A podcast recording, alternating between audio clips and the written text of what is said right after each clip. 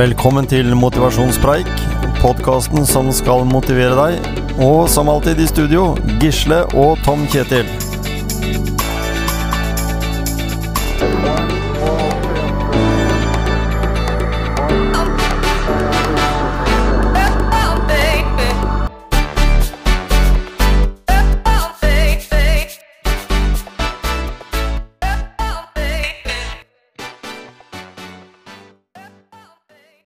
Ja, hei. Vi gjør oppmerksom på at uh, dette opptaket har en del uh, lydstøy. Av en eller annen grunn har vi vært litt uheldig med mikrofonen. Men uh, innholdet ellers er utrolig bra. Da har vi, Gisle, tatt en tur til Dette her blir en sånn hjemme hos-reportasje. Vi har tatt en tur ut til Stridsklev. Eller er vi på eller i Stridsklev? På. Det er på Stridsklev. Ja. Og besøker Mariann. Vi har jo hatt med deg tidligere i podkasten vår og prata om eh, mange forskjellige ting. Du er jo en eh, engasjert person som er opptatt av noe som jeg også brenner for, det med, med forebyggende helse, altså i form av trening og, og også litt sånn hodearbeid, hvis en kan tenke det. Mentaltrening. Og det er veldig hyggelig at vi fikk komme hit, og vi har veldig lyst til å prate med ja, Lista er lang, for å si det sånn. Er det ikke det, Gisle? Jo, det er masse forskjellig jeg lurer på, i hvert fall. Ja, ikke sant? Og Og jeg snakka om det òg. men vi lurte litt på Vi ser jo nå har du begynt i skolevesenet igjen. Ja. ja, Mentalskolen.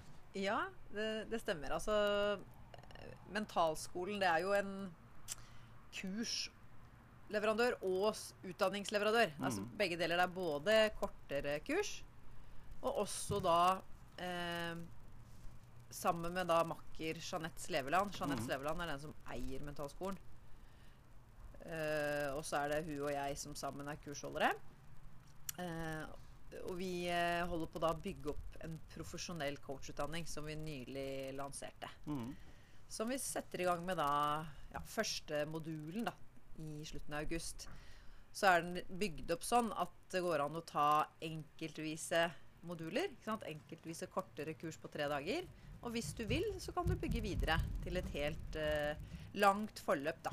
Mm. Mm. Og du har jo de sertifiseringa som skal til. Du har jo kursa deg mye sjøl. Vært mye ute og reist.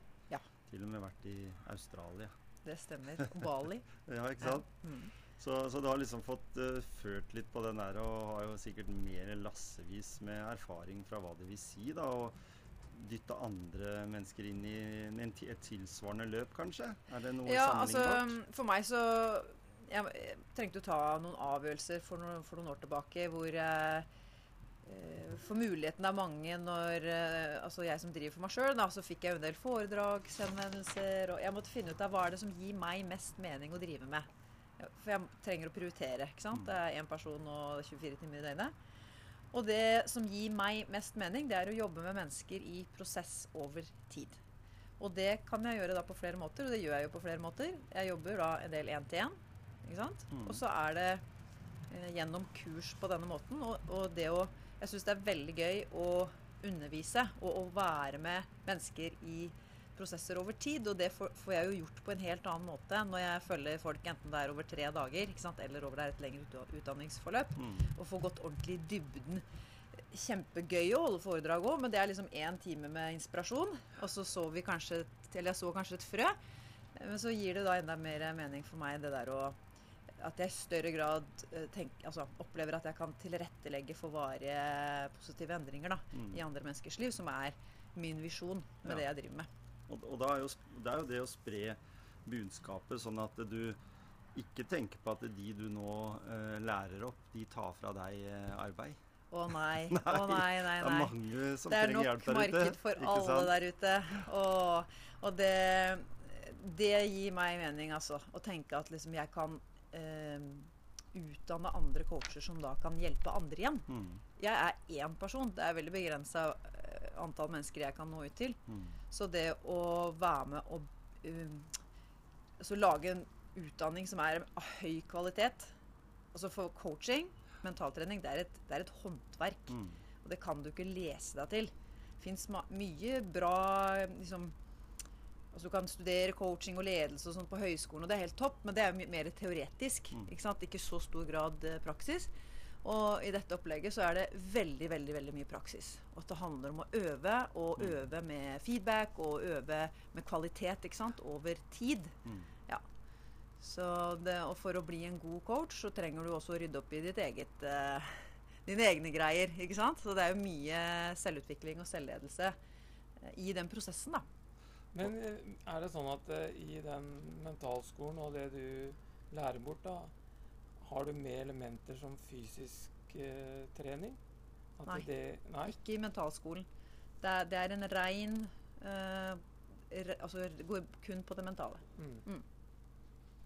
Så, men uansett, da, så, så er du også engasjert i det fysiske. Ja, så eh, jeg driver jo et firma som er ca. 60-70% av, det- av tida mi bruker jeg på det mentale.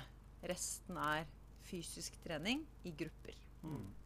For jeg vet jo at du er opptatt av at uh, fysisk og mental trening er til sammen viktig for uh, helsa, da. Mm. Det er ikke bare én av tinga. Nei, og og de virker jo inn på hverandre i en positiv spiral. Mm. Og så er det sånn at jeg har jo da De som jeg jobber med mentalt, det er jo ikke nødvendigvis de samme som jeg jobber med fysisk. Men det er noen som gjør begge deler. Mm. Um, men de som ofte kommer til meg for å jobbe med det mentale, uh, har en veldig god Altså de vet jo hva de trenger å gjøre. Ikke sant? De vet f.eks. at det er smart å trene. Eller de vet det er smart å hvile mer. Men de klarer ikke å få det til i praksis. Så en coachingprosess handler jo veldig mye om å fylle det gapet Mm. mellom um, det du vet, altså, altså intensjonen din eller ønsket ditt, og faktisk handling. Og der er det ofte mentale barrierer. Ikke bare kunnskap om trening, da. Ikke sant? Altså som, som det er selvfølgelig viktig å ha kunnskap om trening og kunnskap om kosthold, men i veldig mange tilfeller så har eh, folk god kunnskap, men det er det å klare å omsette det i handling som er eh, vanskelig, da. Mm. Vi pratet litt, vi hadde en sånn bonuspreik som vi preika fram. Litt sånn tema vi kommer på. Da sitter vi bare og, og snakker litt rundt noe vi er litt eh, engasjert i og opptatt av. da. Mm. Så da handla det om forrige gang om mestringstro. Det, det går jo for, eh, an å ha for liten tro, og så går det an å ha for mye tro. Så jeg tenker, er det sånn at eh, mestringstro det har litt sånn med hvilke målsetninger du setter deg òg, og, og liksom, hvilken kapasitet du har. Altså, hvilke knapper er riktig å trykke på for å, for å få den rette mestringstroa? da? Og jeg elsker det ordet. Mestringstro.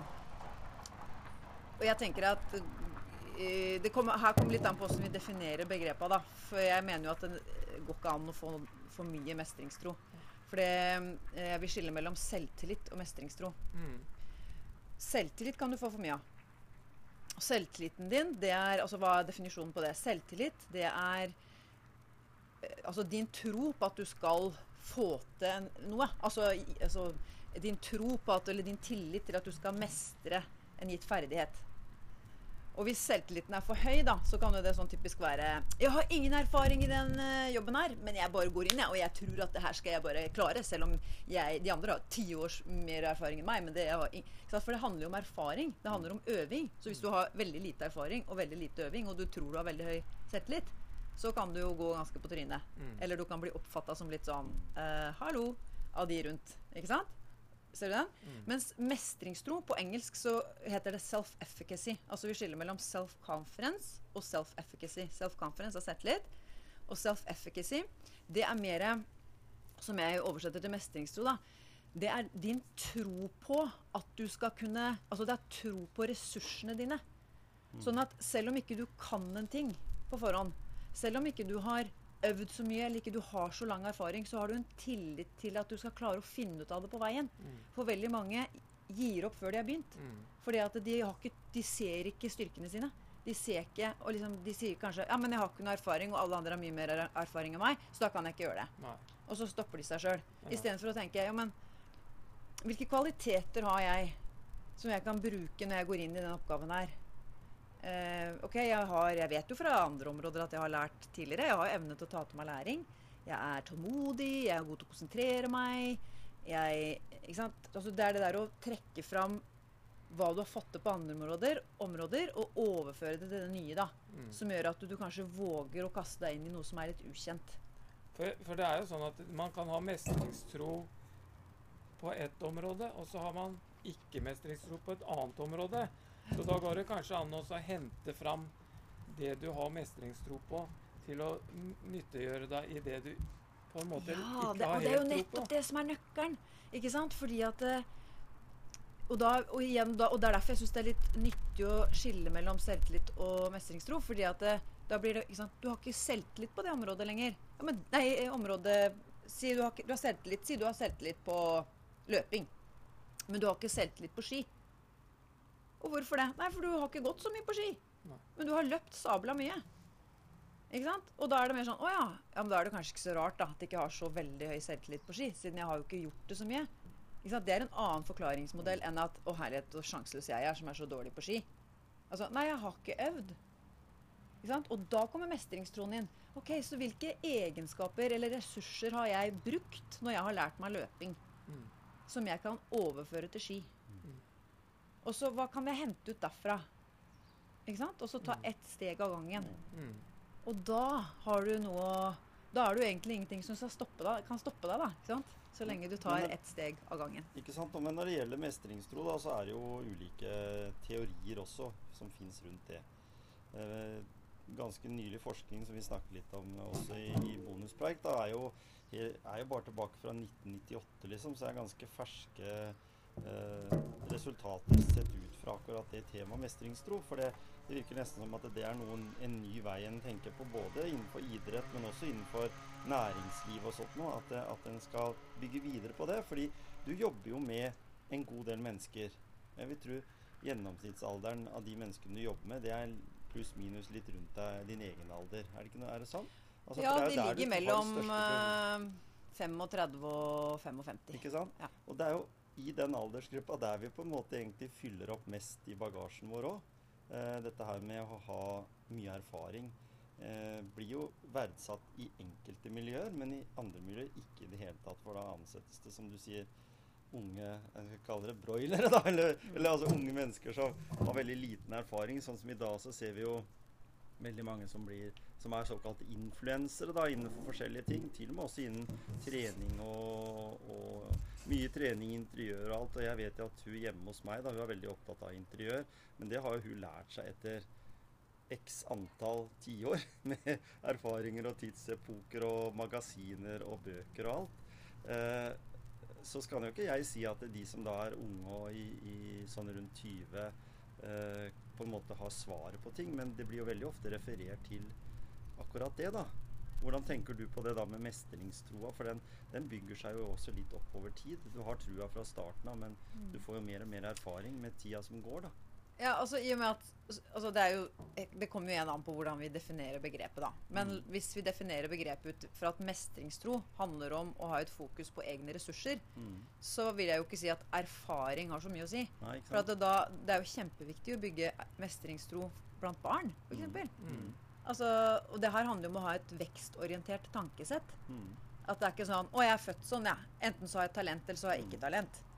Ikke sant? For det kan bli en veldig sterk begrensning. Mm. Men idet eh, vi eh, helt fra barna er små, ikke sant, oppfordrer de til å eh, prøve og feile og, og eh, vi har hele tida utvikling og liksom, og liksom lærer de til å kanskje liksom se styrkene sine istedenfor å bare diskreditere seg sjøl, som mange kan ha en tendens til, så vil jo mestringstro være viktig gjennom et helt livsløp. Mens selvtilliten, da, ikke sant, som er mer erfaringsbetinga, da Mm. uh, Altså, jeg tenker Unge, altså Det er jo vanskelig å svare noe sånn på det som jeg trekker ut fra det du sier, at ok, det er unge mennesker som gir råd eller mener noe eller påvirker innafor et område, som de, og så er de kanskje 22 år, og så har de ikke så mye eh, erfaring på området. Altså jeg tenker Det er jo litt sånn, det blir jo opp til forbrukeren å være litt kritisk da, til, til hvilke, hvor man skal hente råd. Eh, så, og hvem man skal følge, og hvilke kriterier man skal ha. Altså, jeg tenker Det kan, kan jo være mange 22-åringer som kan være veldig flinke og ha erfaring på visse områder. Ehm, så hva som er liksom den ideelle balansen på selvtillit, det er jo ikke, det er ikke et, ett objektivt svar på det. Nei. Eh, For du kan jo ha for, for liten selvtillit òg, ut fra hva Altså, det er veldig individuelt hvor lett en person opparbeider seg selvtillit. Og Et sånt kontrollspørsmål kan være hvor mange ganger trenger du å gjøre en ting før du opplever at du har god selvtillit? Så la oss si du skal lære deg eh, markløft. Hvor mange ganger må du gjøre den øvelsen før du kan føle at det her er, den her er god selvtillit på? Er det fem ganger? Er det 15 ganger? Er det 50 ganger? 100? 500? Ikke sant? Hvis du da tenker nei, jeg må gjøre det 500 ganger med tilsyn av PT, så kan det hende at du kanskje er litt hard med deg sjøl. Mm. Mm. At du kanskje du kan sant, ha litt mer trua på at du skal klare deg aleine, da. En, eller, eller kanskje du har gjort det fem ganger. Jeg er ekspert på markløft. Mm. Jeg skal lære det bort til alle på treningssenteret. Mm. Og så skal jeg påpeke alle andres teknikk på treningssenteret fordi jeg har lest på fitnessbloggen og jeg har hatt fem timer med en PT. Ikke sant? Altså, nå setter jeg det på spissen. Men altså Men da, da vil jeg jo bare Da vil jeg skyte inn her at miljøet også har litt å si. Hvor du vokser opp, i hvilket miljø. Altså, tenk på hvis du, hvis du vokser opp med eh, nært nettverk rundt deg som er veldig kritisk til alt. Jeg, jeg ser jo nå veldig mange barn og unge som lærer seg mye på YouTube, f.eks. Mm. Som ikke vi hadde når vi vokste opp. Vi måtte jo lære av de store gutta i gata, på en måte. Eller, eller, eller jentene lærte av de større jentene på skolen. Det var liksom mer sånn. Mens i dag så kan jo hvem som helst bli akkurat hur god som helst, som de sier i Sverige. hmm. Tenker jeg, da. For Ja, ja, det er jo fantastiske andre hvor- fantastiske har du lært å ute. synge så bra, liksom. Jo, jeg har lært på YouTube. Og så sier Ja. ja, det har ikke gått hos sangpedagog engang, liksom. Du kan jo egentlig lære deg hva du vil Ja. nå. Og da kommer mestringstroen inn. Ja, ikke sant? Troen på at jeg kan klare å Mm. Jeg vet kanskje ikke hvordan jeg skal synge ennå, men jeg kan jo lære meg det. Mm. Og så oppsøke jeg har alltid tenkt sånn at jeg tror nesten sånn kondisjon f.eks. Det er noe som vi voksne har innført. Jeg husker jo det som guttunger sjøl. Jeg kunne jo holde på i timevis uten å bli sliten eller andpusten. Eller vi var liksom bare sånn Plutselig så var det noen som sa at ja, men har du trena kondisjonstrening da du begynte på fotballen, liksom? Eh, hva er det? Ja, det er sånn at når du gjør en intervall, så blir du sliten. Blir du sliten? Liksom, det ikke sånn, ok, nei, må begynne å tenke over det, da. Så, så blei det jo sikkert det, men det var liksom sånn en ubetydelig ting å sykle om kapp eller å, å løpe om kapp eller noe sånt. Du blei jo liksom Du løp til du stupa, liksom. Ja. Og så blei du voksen, og så måtte du løpe kontrollert, for da løpte Ja, kanskje du, Da du var liten, så hadde du ikke bevisst Nei, at kompetanse det er noe der. på det. Mm. Uh, Og det er noe som vi voksne på en måte har. Og da, da tenker jeg med mestringstro at som du sier, det kan jo tas helt ned på spedbarnsnivå, eller i hvert fall helt ned på de der at den, at den bygger opp. Men da også litt i forhold til miljø, hvordan de menneskene som er rundt deg, bygger deg opp fra du er barn, da, gir deg den trua på mestringstro. miljøet da, er miljø. enormt viktig. mm. Vi speiler oss i våre øh, nærmeste omsorgspersoner. Mm. Så det er jo Og, og, og den eh, Altså oppfatninger vi får om oss selv, om andre, om verden det, altså, Mye av det formes jo de første leveåra. Mm. Så, så det er absolutt mye å si. Eh, miljøet. Mm. Ja. Og det er, jeg tenker at det er viktig i, for en lærer da, også gi elevene mestringstro.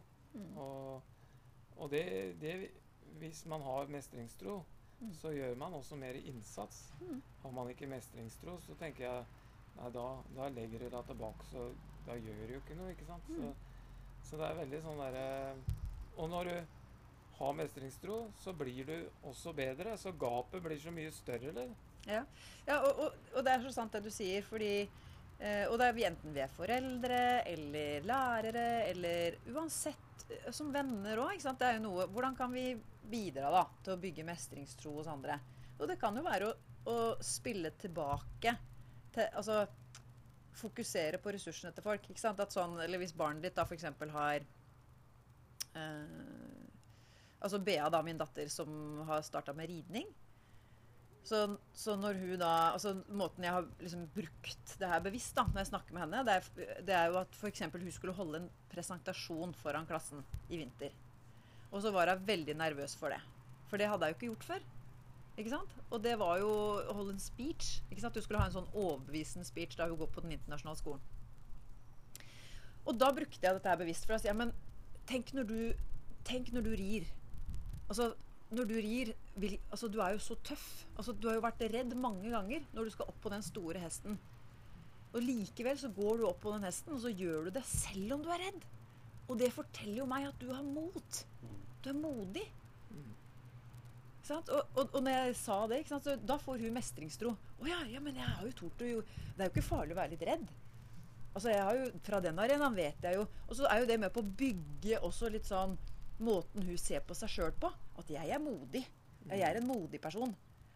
OK, ja, men da kaster jeg meg ut i den presentasjonen. Mm. Så altså, det er jo det der å spille på altså tilbake ressursene, da. Så at når vi ser de, og huske å gjøre det, og ikke kanskje bare påpeke det som er feil, det er det ene. Eller bare skryte av et resultat. Altså sånn Nå var du flink. Altså For det sier jo ikke noe Altså Hva var det som gjorde at det resultatet ble bra? Mm. Hva, hvilke ressurser brukte du? Hvilke egenskaper, kvaliteter brukte du som gjorde at det blei sånn? Og da, fokus, og da er det, en måte å liksom få den vekstorienterte tankegangen inn i. For at da går vi tilbake til prosess. Resultatet er ikke så viktig. Det er jo kvalitetene du foredler og jobber med, ikke sant? Som, får det, som gjør at du får det resultatet. Mm. Og, du, og du har jo Det er jo sånn at eh, ikke sant, hvis du har trua på det, og du gjør det flere ganger, Mm. så øker jo også i, i takt motivasjonen. Ja, Og, det er det de gjør. og handling og motivasjon, det Ja. har jo du sagt noe om tidligere. Yes. Og det, og det er også sånn triks. Hvordan bygge altså, For motivasjon og mestring henger tett sammen. Føler du mestring, så blir du motivert. Og hva er det mange gjør ofte, som er fella? Vi snakka litt om det sist du skal. Men det er at du skal i gang med en oppgave, og så gjør, du, gjør vi det for stort. Altså, og jeg har lyst til å løpe et maraton. Nei, det går jo ikke. ikke sant? Det blir så Fordi at man ser for seg at jeg skal løpe alle de mila. Altså, ikke sant? Altså, stykke det opp. Bryte ned måla i små delmål og oppgaver. Helt ned på uke- og dagsnivå. Altså, jo mindre det er samme hvis du skal skrive en stor rapport på jobb. Det å bryte det ned I dag skal jeg skrive så og så mange ord, eller jeg skal jobbe i én time. Det gir eh, mestring. Og det, er, og det er faktisk sånn at i hjernen så utskilles dopamin. Altså når du kan skrive 'check' på en, eh, på en eh, liksom, 'Nå har jeg gjort det', så utskilles dopamin. Så, som igjen gir mestring, og som igjen gjør at 'Å, nå har jeg lyst til å gå løs på neste'. Mm. Så det er liksom sånn veldig, enten det er trening eller jobb, eller bryt ned. Hvordan kan du bryte det ned Mm. i små oppgaver? Mm. Jeg har jo erfart det at uh, en kan være litt sånn der Å, skal jeg gidde å begynne på det? Ja. Og så begynner du, så klarer du ikke å slutte. For du, du, du, du syns det er gøy allikevel, og du kjenner at du får, får betalt for det du gjør, Mm. enten det er husarbeid eller andre ting. Ja, og det syns jeg er veldig eh, godt poeng det du sier der. For at vi trenger ikke å være motiverte for å begynne. Nei. For det er en sånn, det er, det er en sånn uh, misforståelse. At jeg, men jeg må bare vente til motivasjonen kommer. Ja, og jeg, Altså, tror, mm. ja. ja, jeg, jeg, jeg, jeg tror motivasjonen kommer ved å starte på en ting. Ja, og da kan det være eh, Da vil jeg heller starta med hvordan kan jeg bryte ned oppgaven. Jeg trenger Mm. ikke å være motivert for å gjøre den, men jeg skal bare bryte det. Så skal jeg begynne med det, Mm. og så se hva som skjer. Små delmål. Men Ja. det har vel noe å si det der også da med liten eller stor fok altså fokus på ting. Altså få bli fokusert. Mm. At du på en måte Jeg tenker at vi, vi går da inn i næringslivet. Vi går inn i en bedrift f.eks. Altså, så har du jo altfor få ledere i bedrifter som jobber spesifikt med de ansatte for å gi de mestringstro i jobben. da. Eh, Det er liksom sånn selvfølgelig at det skal folk ha med seg egentlig fra før. Jeg tenker da ledere som benytter seg av f.eks. dine tjenester, da, Mm. burde hatt veldig nytte av det for å gå ned på kanskje enkeltnivå, da, for å Mm. effektivisere bedriften. Jeg tenker på, Vi vet jo i dag hvor stort uh, forbruk bedrifter har på fravær, f.eks. Mm. Som går noe på Som jeg ville tenkt at hvis jeg ikke trives på jobben fordi jeg føler at den jobben jeg gjør, den er ikke god nok sammenligna med alle andre. Sånn er vi jo basert. Damer er jo mer bekymringsfokusert enn kanskje menn i noen, i noen yrker osv. Så, videre. så så skaper jo det en sånn usikkerhet og igjen en sånn uh, at det er litt hardt å stå opp om morgenen, at det blir litt verre og verre. Og så til slutt så, så må du bli hjemme. Altså, vi har et veldig stort fravær på det som skjer i huet vårt, da. Ja, jeg, så jeg mener jo selvfølgelig at alle burde hatt en coach. Ikke sant? Jo, men Eh, altså, at vi grad, trenger da. det alle sammen. Ja, det. Eh, men, Mm. eller, eller at du har en leder som har en coachende væremåte. Ja. Og Du trenger ikke å være coach eller gå til coach, men jeg, og det er, jo, det er jo mange ledere der ute som gå- tar sånne kurs som vi tilbyr da, i Mm. mentalskolen. Nettopp for, for, for det, det er jo nettopp sånn som det kurset som vi skal ha i slutten av august nå, som eh, er grunnkurs i Mm. selvledelse og kommunikasjon. Da fokuserer vi nettopp på det. Mm. Hvordan, enten du er leder, forelder eller altså alle relasjoner, hvordan kan du kommunisere med andre eh, på en måte som bevisstgjør, motiverer, ansvarliggjør, tilrettelegger for mestring? Mm. Altså, vi har vel vært der alle sammen sikkert at vi liksom har lyst til å bare fortelle, si åssen andre skal gjøre en ting. Mm. Og bare Ja, men du må bare gjøre sånn. Og så er ikke det så veldig motiverende for den andre. Nei. Ikke sant? Så hvor, ikke egne barn. Nei, og så kommer vi og så skal vi prakke på vår modell av verden over på Ja, men du må bare gjøre sånn. Mm. Og så, ikke sant? så får du motstand isteden. Ja. Sånn, så det der å lære seg Og det skal ikke så mye til. Det er justeringer i, i ordet du bruker. Det å lære seg å stille mer åpne spørsmål. Eh, hvilke typer spørsmål når? Hvordan skal du bruke kroppsspråket ditt for å skape tillit Mm. i kommunikasjon med andre? Det er jo konkrete ferdigheter som Mm. alle kan lære seg. Så, eh, og mange bedrifter har jo også fokus på det. Mm. Så er det sikkert veldig stort forbedringspotensial der. Men jeg ser jo eh, Sånn som da jeg var i Australia for et par år siden, så snakka han ene der om han, han, han er jo da metakors, da, sånn som meg. Mm. Og han hadde faktisk full stilling i Canva, som er et kjempestort eh, jeg vet ikke, mediefirma. eller altså De driver med mange ting. Eh, der Snittalderen tror jeg er sånn 30 år, alle som jobber der. Og de er litt sånn Google, altså Google-aktig i form. du skjønner hva jeg mener, Det er veldig moderne, og jeg tror ingen har kontorer, og alt er åpent. Og, men de har en egen avdeling med coacher. Ja. Så, og de har blitt kåra til sånn mest innovative bedriften i Australia. Eller, altså, de har vunnet priser for det. da Fordi de har så stort fokus på personlig utvikling. Mm. Eh, og at det er kanskje noe vi kommer til å se mer av i framtida. Mm. Ja. Og det er vel kanskje der eh, forskjellen på en trener, en eh, arbeidsleder, sjef eh, det, det er vel der forskjellen er at eh, hvordan de på en måte snakker til eller, og ikke belærer sine ansatte eller sine utøvere, da. Ja, for det er, det er jo fristende, da. Ikke sant? Jeg hadde jo i fjor Jeg, husker, jeg fortalte jo litt om det sist gang også, men jeg hadde jo eh, eh, kurssamling eller over seks uker med trenerteamet til New York City Football Club. Mm. Og dette her var jo akkurat tematikken. ikke sant? Hvordan kan, jeg prate med spill hvordan kan vi prate med spillerne våre på en måte som gjør at de lærer, og at de sjøl tar ansvar for egen utvikling? Mm. Bobby, Mm. dere hører kanskje at det er litt bråk her, og det er Ja, fordi at jeg har en liten valp som Ja. springer rundt her. Så må lære litt mer om mestringstro. Ja, han trenger å Ja. lære litt mer om det. ja. Uh, nei, og, og da Det var kjempegøy, altså. Det, jeg tror det, var- og da, da trener vi jo helt sånn konkret på det, ikke sant. Når du sitter og har en spillersamtale. For det er jo veldig fort at man kan liksom Si du skal gå gjennom en kamp, da, og så analysere en kamp. Mm. Og så går de gjennom videoen og sier ja, men her så gjorde du feil her, så gjorde du feil her. Mm. Og så må du gjøre sånn. Ikke sant? Og så får du ikke egentlig med deg Det du risikerer, er at du bare får motstand. Mm. Så det er hvordan klarer å fasilitere, da. Mm. Sånn at uh, spilleren sjøl tenker, og sjøl føler den mestringstroen. Mm. Ikke bare går ut derfra og tenker 'Åh, nå fikk jeg bare kritikk'. Mm. Men at det er uh, Ja, for det er jo, det er jo mye sånn at eh, vi kan få hauger og lass av positiv oppmerksomhet. Altså at vi får mye oppmerksomhet gitt til oss, da. Men det er ofte den ene negative tingen en liksom, som graverer seg inn i hjernen.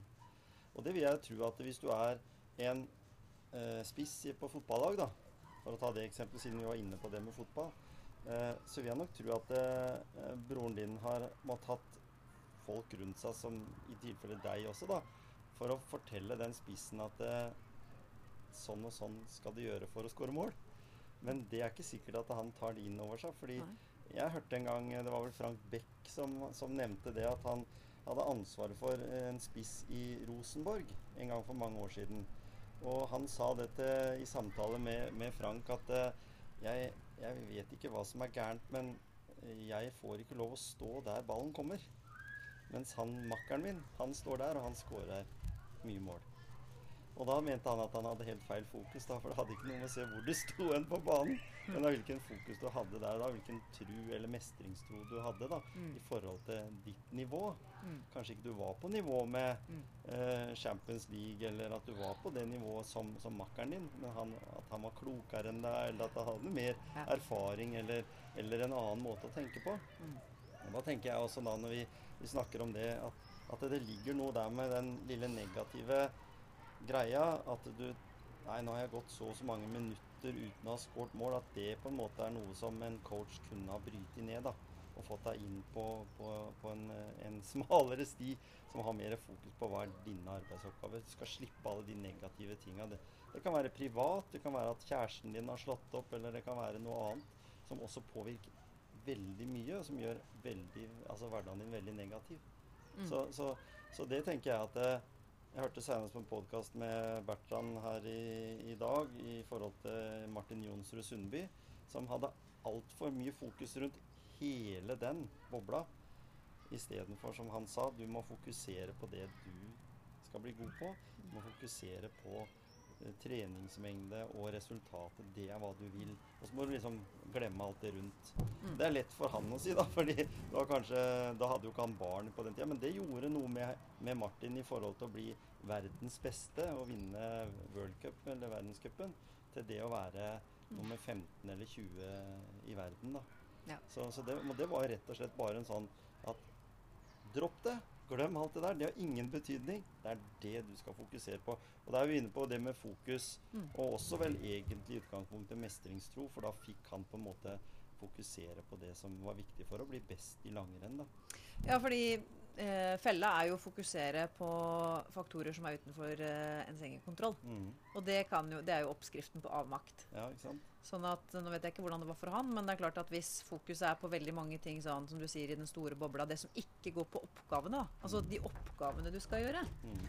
De eh, har du jo kontroll på. For da, da skal vi bare fokusere What's the next right thing? Altså, Det er den neste treningsøkta, mm. og den skal jeg utføre med den og den kvaliteten og ett steg av gangen. Mm. Framfor å fokusere på mediesirkus eller på konkurrentene dine, f.eks. Mm. Du får ikke gjort noe med konkurrentene dine. Nei. Sant? Så, så det er det der å holde øynene på ballen. da. Mm. Mm. Men det er jo Det er, jo, det er sikkert mange som har Vi har snakka om det der med kunnskap er gull og forståelse er dynamitt tidligere her i, i en annen podkast med Ånund, da. Men greia er at eh, mange sitter kanskje inne med kunnskap og forståelse, Mm. men greia er å få å gjøre det i praksis, da. Ja. Hva er nøkkelen der, tenker du?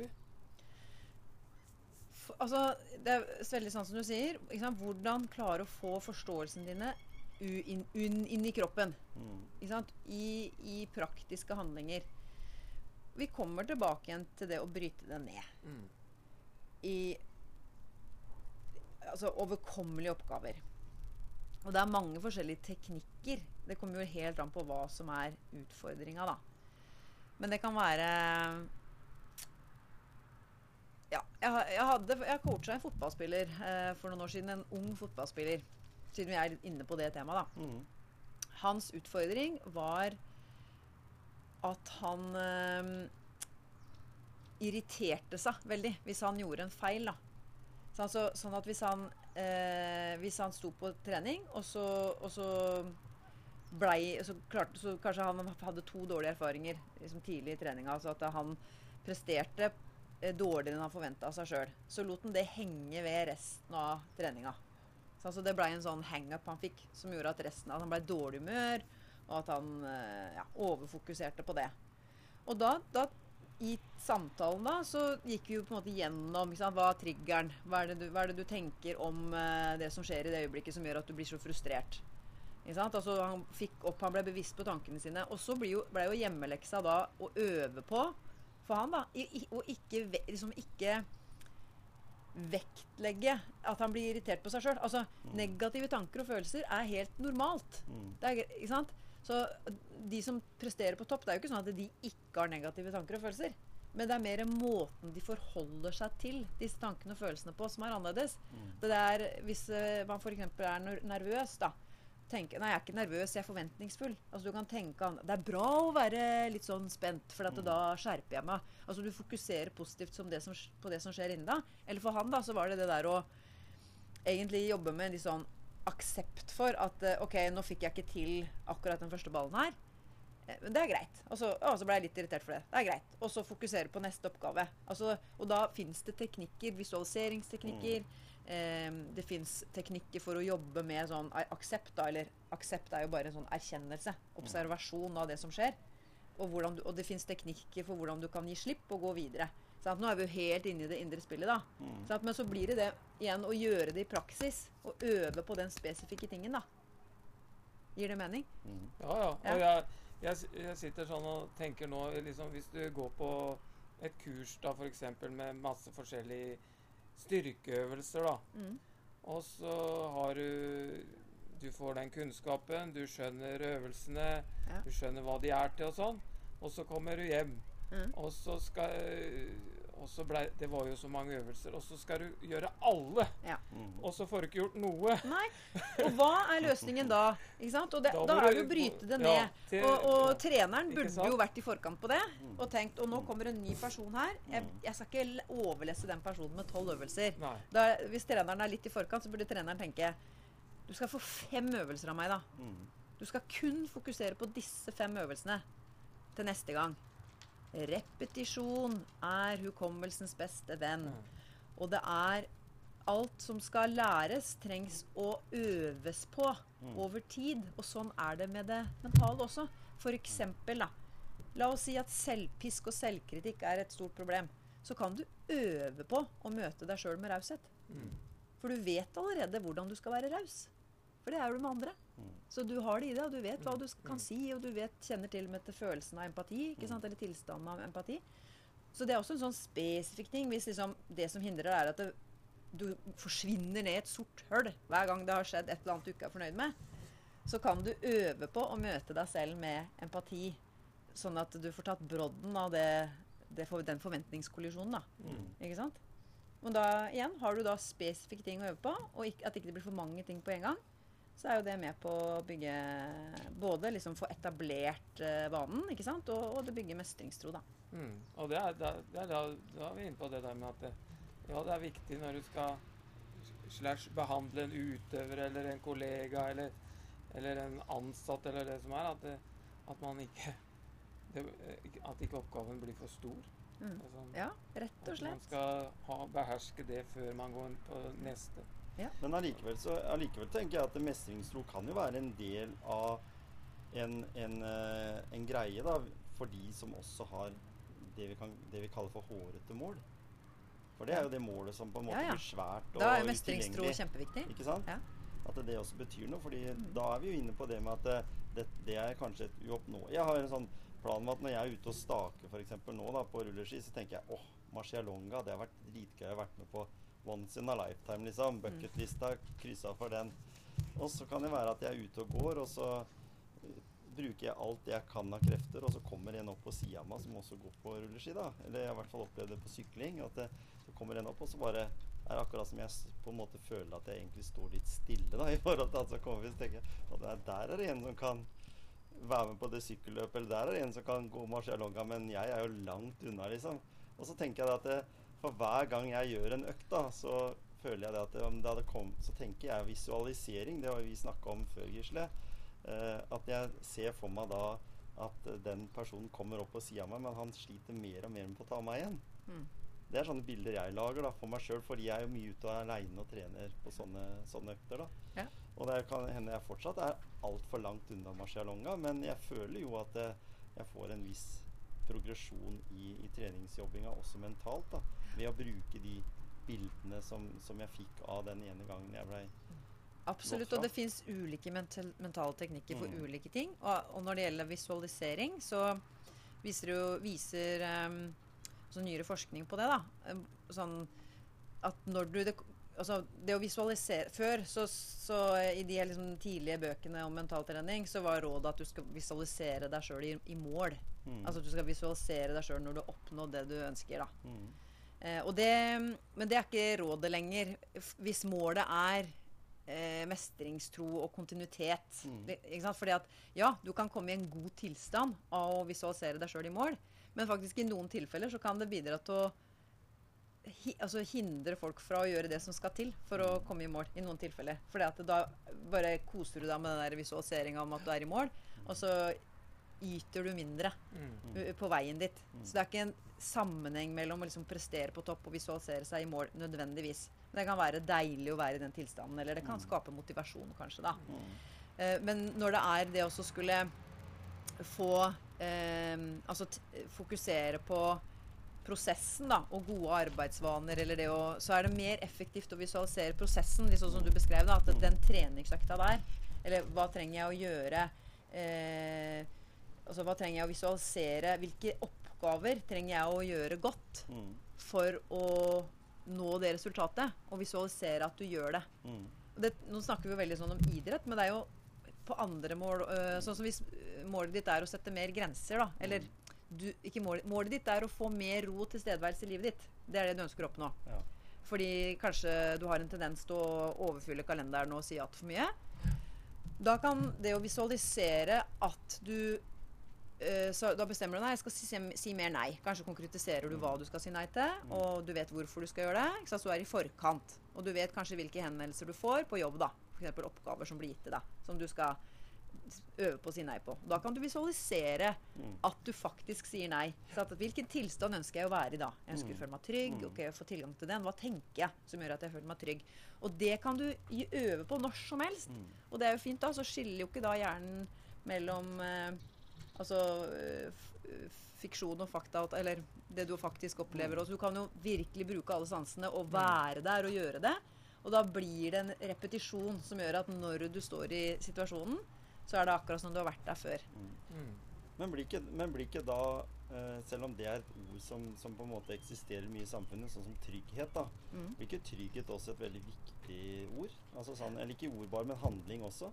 Å være trygg. Og I mange. At det er sånn, litt sånn der, eh, undervurdert, men at Ja. det betyr egentlig veldig mye i mange av de sammenhengene. Er Trygghet trygg er uh, ordet med stor T. Ja, altså, jeg tror ikke jeg har vært i én eneste coachingprosess ennå i løpet av de siste åra hvor ikke trygghet har vært et mål. Mm. Hva er det folk ønsker seg? Det er ikke nødvendigvis det å være så lykkelig hele tida. De ønsker seg ro og trygghet. Mm. Mm. Og det er de to tinga de gjerne trenger Mm. for å være på sitt beste. Så at hvis jeg kan uh, sette grenser med trygghet Mm. istedenfor å ha så dårlig samvittighet og få masse indre stress, eller hvis jeg kan uh, uh, klare å liksom prestere på topp, eller feil, til og med risikere å feile, Mm. og fortsatt føle en indre trygghet. For det er jo den utryggheten som ofte gjør at vi beskytter oss sjøl. Mm. At vi kanskje ikke tør å kaste oss ut i nye oppgaver, eller at vi at vi føler at uh, vi føler oss utrygge da, Ja. på en eller annen måte. Mm. Så det er et, kjempe, et, et kjempeviktig ord. Og jeg tenker, jeg tenker ordet trygghet for meg også. I, om- i den jobben jeg eh, gjør da, på, på sykehuset, så har jeg, jobber jeg på en avdeling som dessverre ender veldig mye opp som den siste plassen du er. Uh, og da tenker jeg at det, er også et element som jeg ser går igjen. da. Tror det at alle skal liksom åh, bare jeg siste del av livet mitt kan oppleve den drømmeturen til Thailand, eller gjøre sånn. Så er det egentlig hverdagen og trygghet som er det viktigste. Det å ikke være utrygg i den situasjonen du er. Ja. Eh, det, der ligger en kjempejobb. Altså hvis du greier å, å være trygg, du har mennesker rundt deg som skaper den tryggheten fordi du er jo tross alt i en, i en, i en, i en det, Du har fått et budskap som ikke du gjerne ville ha hørt, da, men det er liksom det, må, det er det som er realiteten. Så er det faktisk ikke den drømmeturen eller noe sånt. Det er hverdagen. Vanlige dager. Vanlige, trygge hverdager på verandaen med en kopp kaffe. Altså det du Ja, ja. alltid har gjort, liksom. Ja, og trygghet er ofte en brobygger Ja. til andre følelser. Eh, Mm. Andre mer sånn flyktige følelser, da. Som eh, lykke, f.eks. Mm. Som, som kan komme over deg som et blaff, eller, eller mer hverdagsglede, eller den er, Det er en brobygger, da. Mm. Ofte. Og eh, ja, og trygghet med menneskene rundt oss. Men, også det som vi jobber med i mentalprosesser, er jo det der å bygge at, eh, da, at du bygger da din trygghet mer ubetinga Mm. av det som skjer på utsida av deg sjøl. Mm. At den er mindre eh, betinga av eh, hva, liksom, om noen andre er uenig med deg, eller, eller eh, eh, Om det går liksom dårlig da, eller dårligere enn du hadde tenkt, eller at den, den er mer liksom på plass i deg. da, ikke sant? At du har verktøy til å bygge den. Det handler kanskje Jeg vet ikke om jeg er riktig å si det sånn, da, men det handler kanskje om å være sjef i eget liv, da, på en måte. Mm. Absolutt. Mm. Og jeg er jo helt overbevist om at uh, altså alle har ressurser, og alle Det handler bare om Altså alle har ressurser uh, i seg til å få mer av det de ønsker, da. Det handler mer om å få da Som coach, da, så, så er det jo ikke jeg som er, har svarene eh, på den andre personens liv. Det er jo ikke jeg som er eksperten. Det er jo den personen som er eksperten i sitt liv. Det er bare at de må få hjelp noen ganger til å skjønne det sjøl. Mm. Og få hjelp til å se de ressursene og ta i bruk de ressursene. Eh, for å bli den sjefen, da. Mm. Ikke sant? Og så tenker jeg at det, det, er, det er veldig viktig og nyttig å ha noen å spare med. liksom. Det jeg tenker nå, hva tenker du om det? Er det Ja. riktig av meg å tenke sånn? Mm. Og så er det du som bestemmer om du vil, vil ta det inn til deg og bruke det. Ja. Det er det. Også det å bygge da den um, vi, altså vi kaller det for uh, den interne autoriteten. Det er jo litt sånn fagbegrep, da. Uh, men det går på altså no, altså din, Den interne autoriteten din, det er den 'jeg bestemmer'. Altså 'jeg bestemmer i mitt liv'. Og det, alle har den. Altså Vi bruker den hele tida. Hvis jeg spør deg i dag, Gisle, hvem er det som bestemmer hvor mye salt du skal ha på maten din? Ja, det kan det tør ikke jeg å si. Kanskje kona?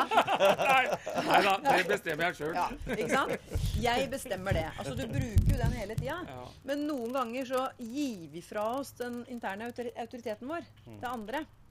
Altså Uten at vi er bevisste på det. da. Det kan være noe med den andre som trigger oss. Kanskje det er en person som virker veldig skråsikker, f.eks. Eller som er veldig sånn Snakker på en litt sånn bastant måte. 'Ja, men dette vet jeg.' Altså, det kan være som gjør at, ok, at du føler du mister stemmen din litt, eller ikke klarer å helt Mm. eh, ikke sant? Så er jo da et mål da er jo det der å, å liksom ta eierskap til sin interne autoritet Mm. med ekstern sjekk.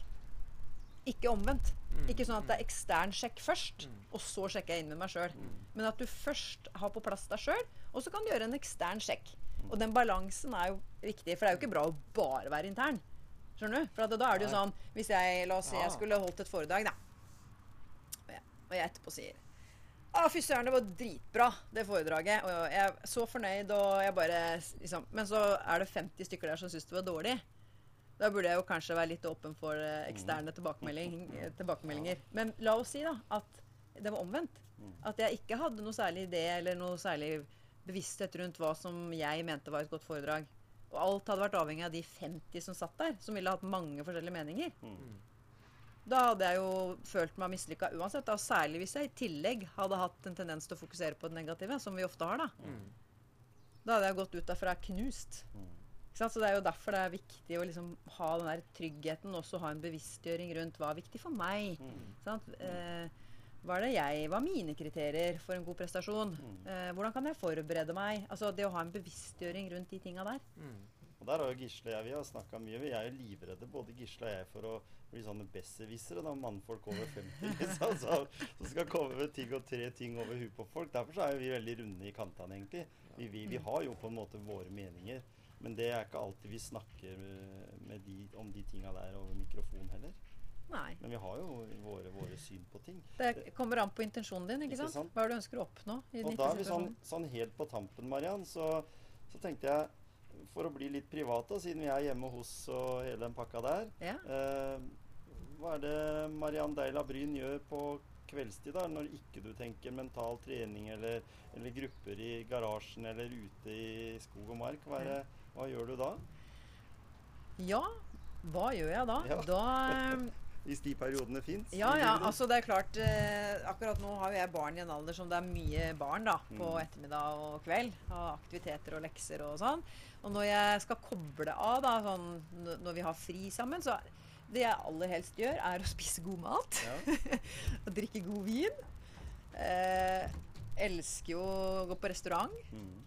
Så det har vært litt tøft nå i koronatida, syns jeg. Og vi elsker jo også å reise, ikke sant. Så vi har måttet gå litt sånn Prøve å få litt større repertoar på hva vi skal gjøre, når vi skal koble av. Men det gir meg veldig stor hverdagsglede, da. Mm. Det å spise god mat og ha et godt glass vin til eh, sånn sett, Å være sammen med mennesker som uh, gir meg påfyll.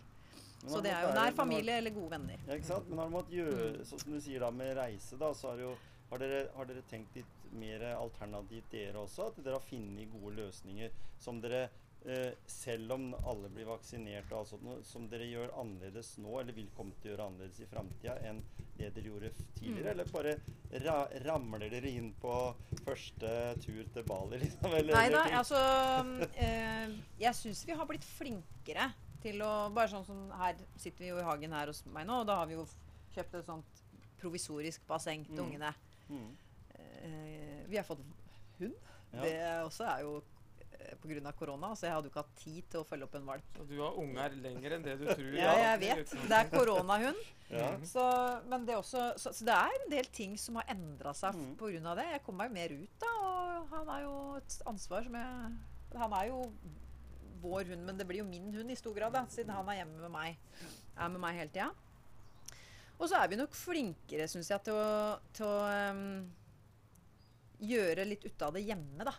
Mm. Så det er jo utrolig mye vi kan uh, lage av god mat og sånn hjemme. uten- Vi behøver jo ikke gå ut. Nei. Og vi har jo vegg i vegg her har vi jo søstera til Bjarne og, og mannen uh, hennes, og vi er jo en del sammen med de. Og jeg syns også at jeg, jeg har fått sett mer til familie Mm. i den tida her.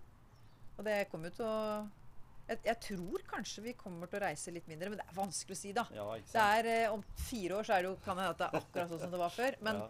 jeg merker jo faktisk også at det er litt deilig å ha romsligere økonomi. Altså Jeg merker jo at vi bruker mindre penger på reising. Mm. Og at det har gjort litt eh, Det, det er litt eh, Det er litt digg, det òg. Mm. Mm. Ja. Så hvis du skulle liksom oppdatert eh, Det kan godt hende det står på den Instagram-profilen, da. Så, så øverst så står det 'livsnyter'. Ja. Jo, men det vil jeg si at jeg er. Mm. Absolutt. Jeg er jo veldig glad i å jobbe, jobbe men jeg tenker jo at det er jo to sider av samme sak.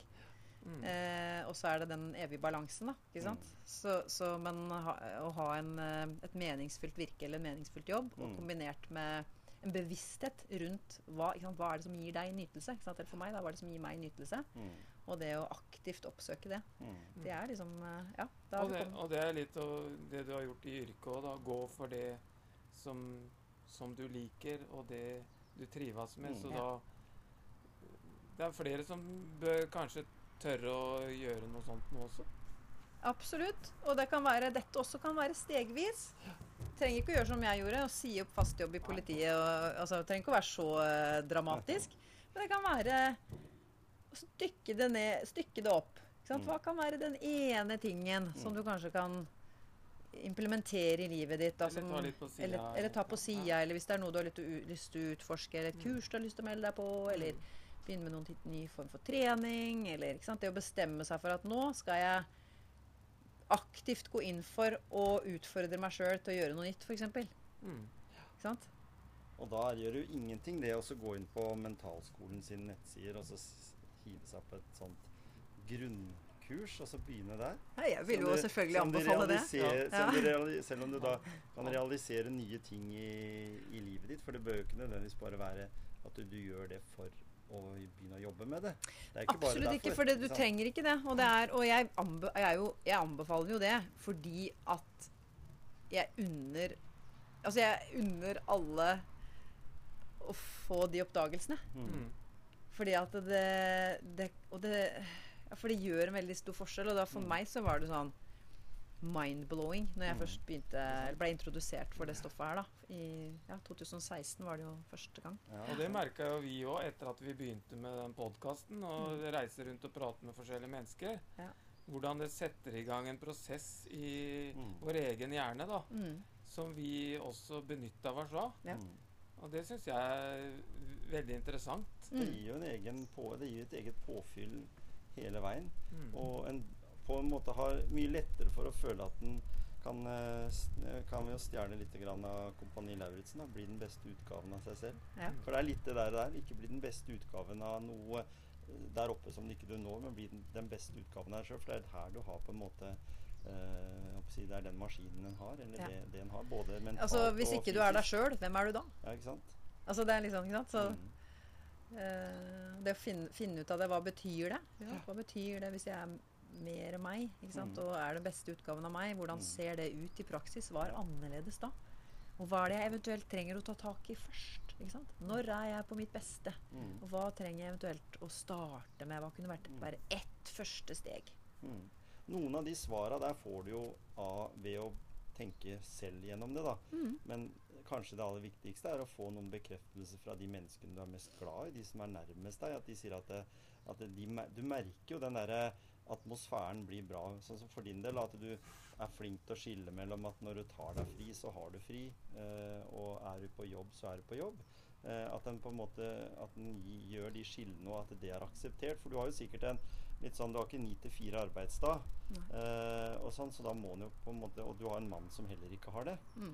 Så dere har jo på en måte den kabalen er sikkert litt mer sånn Dere møter Ja, altså, det er ikke noe vanskelig for Bjarne å merke når jeg ikke er den beste utgaven av meg sjøl. Det kan jeg vel si. Det er jo han det går mest utover. Ja, ikke sant? Og han må jo ta imot det, men han har også sikkert mulighet til å gi deg de gode tilbakemeldingene når, når ting funker. Og det er jo sånn, sånn kanskje forhold fungerer. I hvert fall så føler jeg at jeg har det hjemme hos meg, og Gisle kan sikkert si det samme.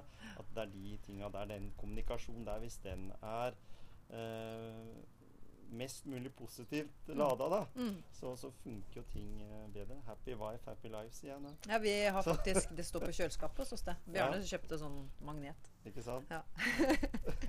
og du fant, du sa her når vi kom, at du har funnet ett element på fredager som er viktig for, oh, for din fantastisk. oppgave. Og det er jo ikke Ja. for å på en måte eh, Det er for å lage en liten luksus òg. Den gode følelsen av det. Sånn, sånn vi hjemme hos oss, der står fruen og jeg med, i vaskebøtta hver fredag. Mm. For, men da har vi jo allikevel også en veldig god følelse når helga kommer. Ja, det har sikkert ikke lytteren da fått med seg hva var, men jeg har da investert i en, eh, en rengjøringshjelp Ja. på fredager som jeg har hatt nå i et par måneder. Og jeg, jeg har, vært, jeg har kvia meg for å gjøre det, for jeg syns en del av meg tenker at det burde jeg klare å gjøre sjøl. Eh, men så har jeg ja, kasta inn håndkleet der. Men det angrer jeg ikke på. Nei, ikke sant? det er Åh, det er bare fantastisk. Åh, lørdag morgen, rent hus. Luksus. ja. Ja. Igjen livsnyter. Livsnyter, veldig viktig. Tusen takk, eh, Mariann, for at vi fikk komme hit uh, til deg uh, i dag. Takk for at jeg fikk være med i podkasten.